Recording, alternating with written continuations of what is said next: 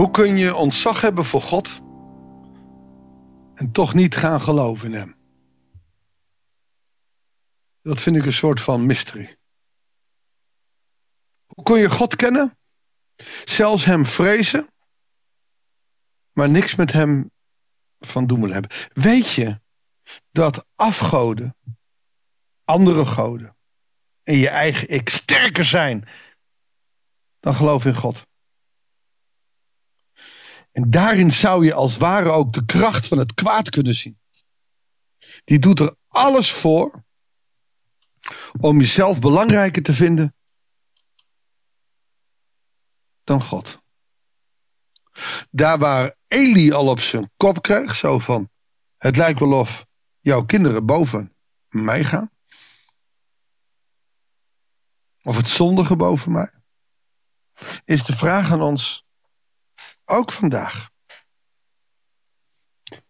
Wat mag geloof voor jou kosten? Het, blijft bij het boek Daniel plakken. We gaan uh, kijken wat er gaat gebeuren als je God voor je karretje spant.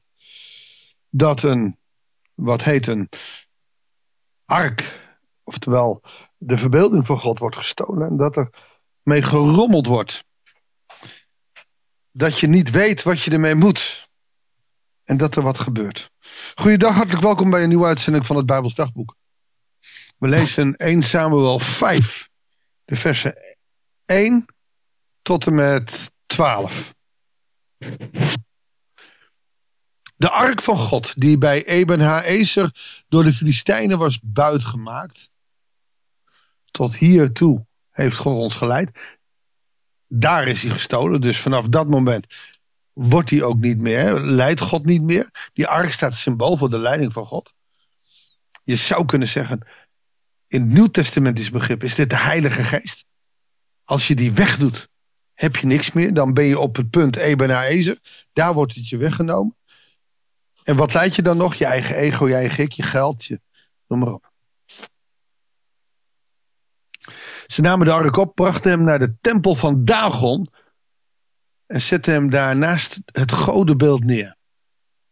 Filistijnse god Dagon. De volgende morgen zagen de inwoners van Astot dat Dagon voorover was gevallen. En voor de ark op de grond lag. Voor de ark van de Heer op de grond lag. Mooi, mooi hè? Dat is een stuk humor van God. Hij laat hem vallen. Als ware vooroverbuigen voor de ark van God. Voor zichzelf. Dus God heeft het beeld gepakt. Heeft het omgelegd. Ze pakten het beeld op en zetten het weer op zijn plaats. Maar toen ze de volgende morgen terugkwamen, lag Dagon weer voorover op de grond voor de ark. Alleen de romp was nog heel. Zijn hoofd en zijn beide handen lagen afgebroken op de tempel. Oftewel, God heeft een tikkeltje harder gedaan. Kop eraf, handen eraf. Dan heb je alleen nog een romp en wat armen. Ja, dat kan je geen God meer noemen. Daarom zetten de priesters van Dagon en alle anderen die naar de tempel komen tot op de dag van vandaag geen voet op deze drempel. Ze komen niet meer in de tempel van Dagon. Hier hebben ze nog niet de conclusie getrokken. Dat gaan ze nu doen. Dat je met God kan doen wat je wil. Maar dat als God het echt niet wil, het ook niet gebeurt. De Heer pakte de inwoners van Astot hard aan. Het is de vijand. Ze denken maar wat te kunnen doen. Hè, eh, de, de afgod Dagon vereren en hem daarna zetten als winst van Dagon en hem verkleinen. Nee, als je God verkleint, als je God klein maakt, dan, dan spreek je als ware vloek over jezelf uit. En dat doen de inwoners van Astot. Hij zaaide paniek en trof alle inwoners van het vorstendom met gezwellen. Toen de burgers van Astot zagen hoe het ervoor stond, zeiden ze: De ark van God van Israël kan hier niet blijven. Weg ermee. Want hij treedt met harde hand op tegen ons en onze God Dagon. En hier zou een lampje moeten branden. Deze God is de sterke. Ja, dat kan wel wezen, maar wij willen onze eigen God Dagon houden. Hier zouden ze moeten zeggen, misschien is deze God wel meer te ere waard. En laten we deze God maar gebruiken en laten we Dagon eruit gooien. Maar dat kan niet, want dat hebben ze altijd zo gedaan. En een God die je altijd vereerd hebt, die ga je niet zomaar veranderen. Dat is met veel dingen zo. Dat is ook in kerken zo. Wat je altijd geleerd hebt, dat is waarheid. En dat zal niet kunnen veranderen. Waar we geen rekening mee houden, is dat heel veel dogmatieken, begrippen of wijsheden van 50, 100 of 400 jaar geleden echt in die tijd genomen zijn. En dat je nooit als kerk, als christen mag zeggen, ja, zo hebben we het altijd gedaan. Zo zullen we het altijd blijven doen. Dat komt rechtstreeks uit de hel. Geloven in God is een dynamisch iets. Kerk zijn is een dynamisch iets. We laten de Heilige Geest ons leiden. En als we dat niet doen in de kerk, dan zijn we niet anders dan, dan de mensen van Asdod. En dan, dan hebben we een God Dagon. Dat is een beeld, zo is het geweest. Dat zijn onze dogmatieken, dat zijn onze beleidingsschriften. Zo houden we het. Luther en Calvijn, die hebben het al gezegd, zo houden we het. Dat is geen geloof. Dat is een afgodsdienst maken.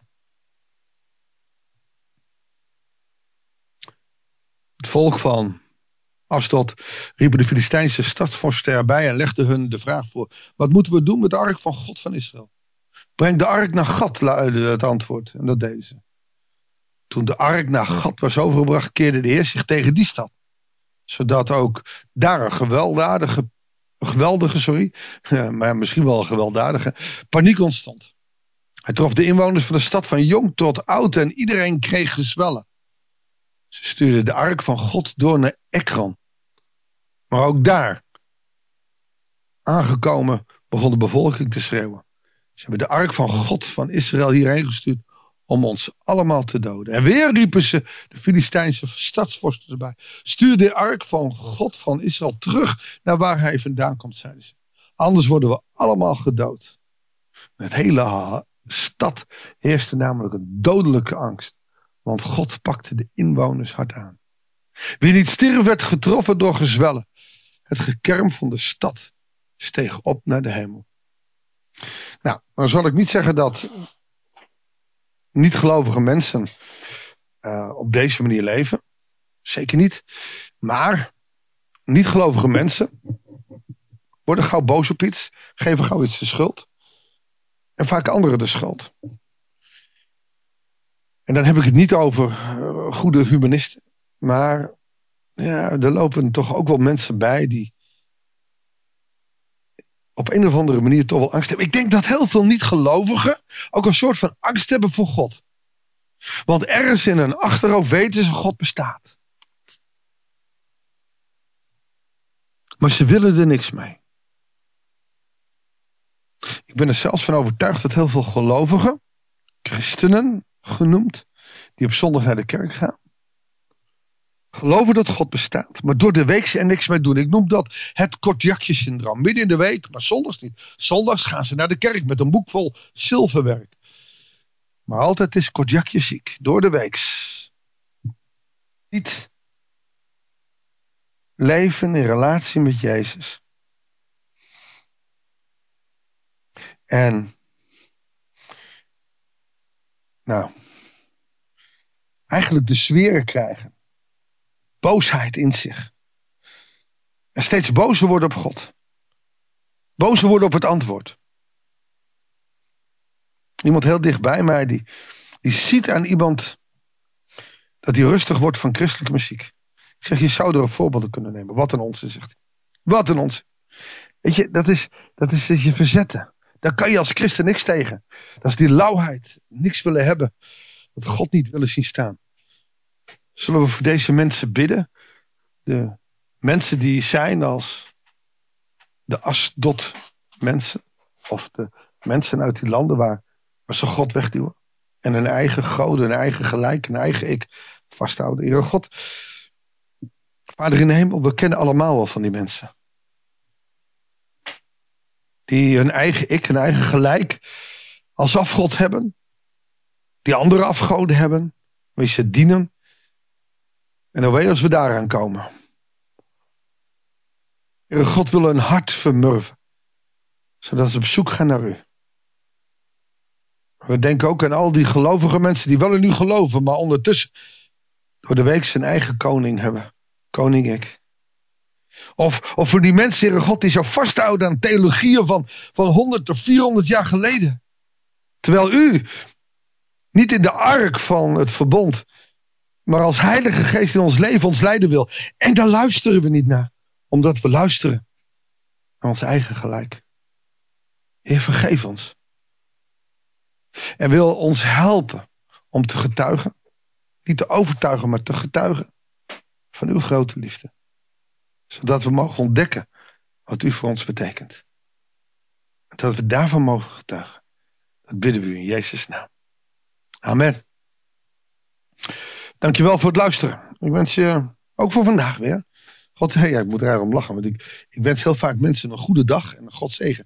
Maar ik weet ook van mensen die aan het eind van de dag luisteren. Nou, voor jullie dan wel trusten. En graag tot de volgende uitzending van het Bijbels Dagboek.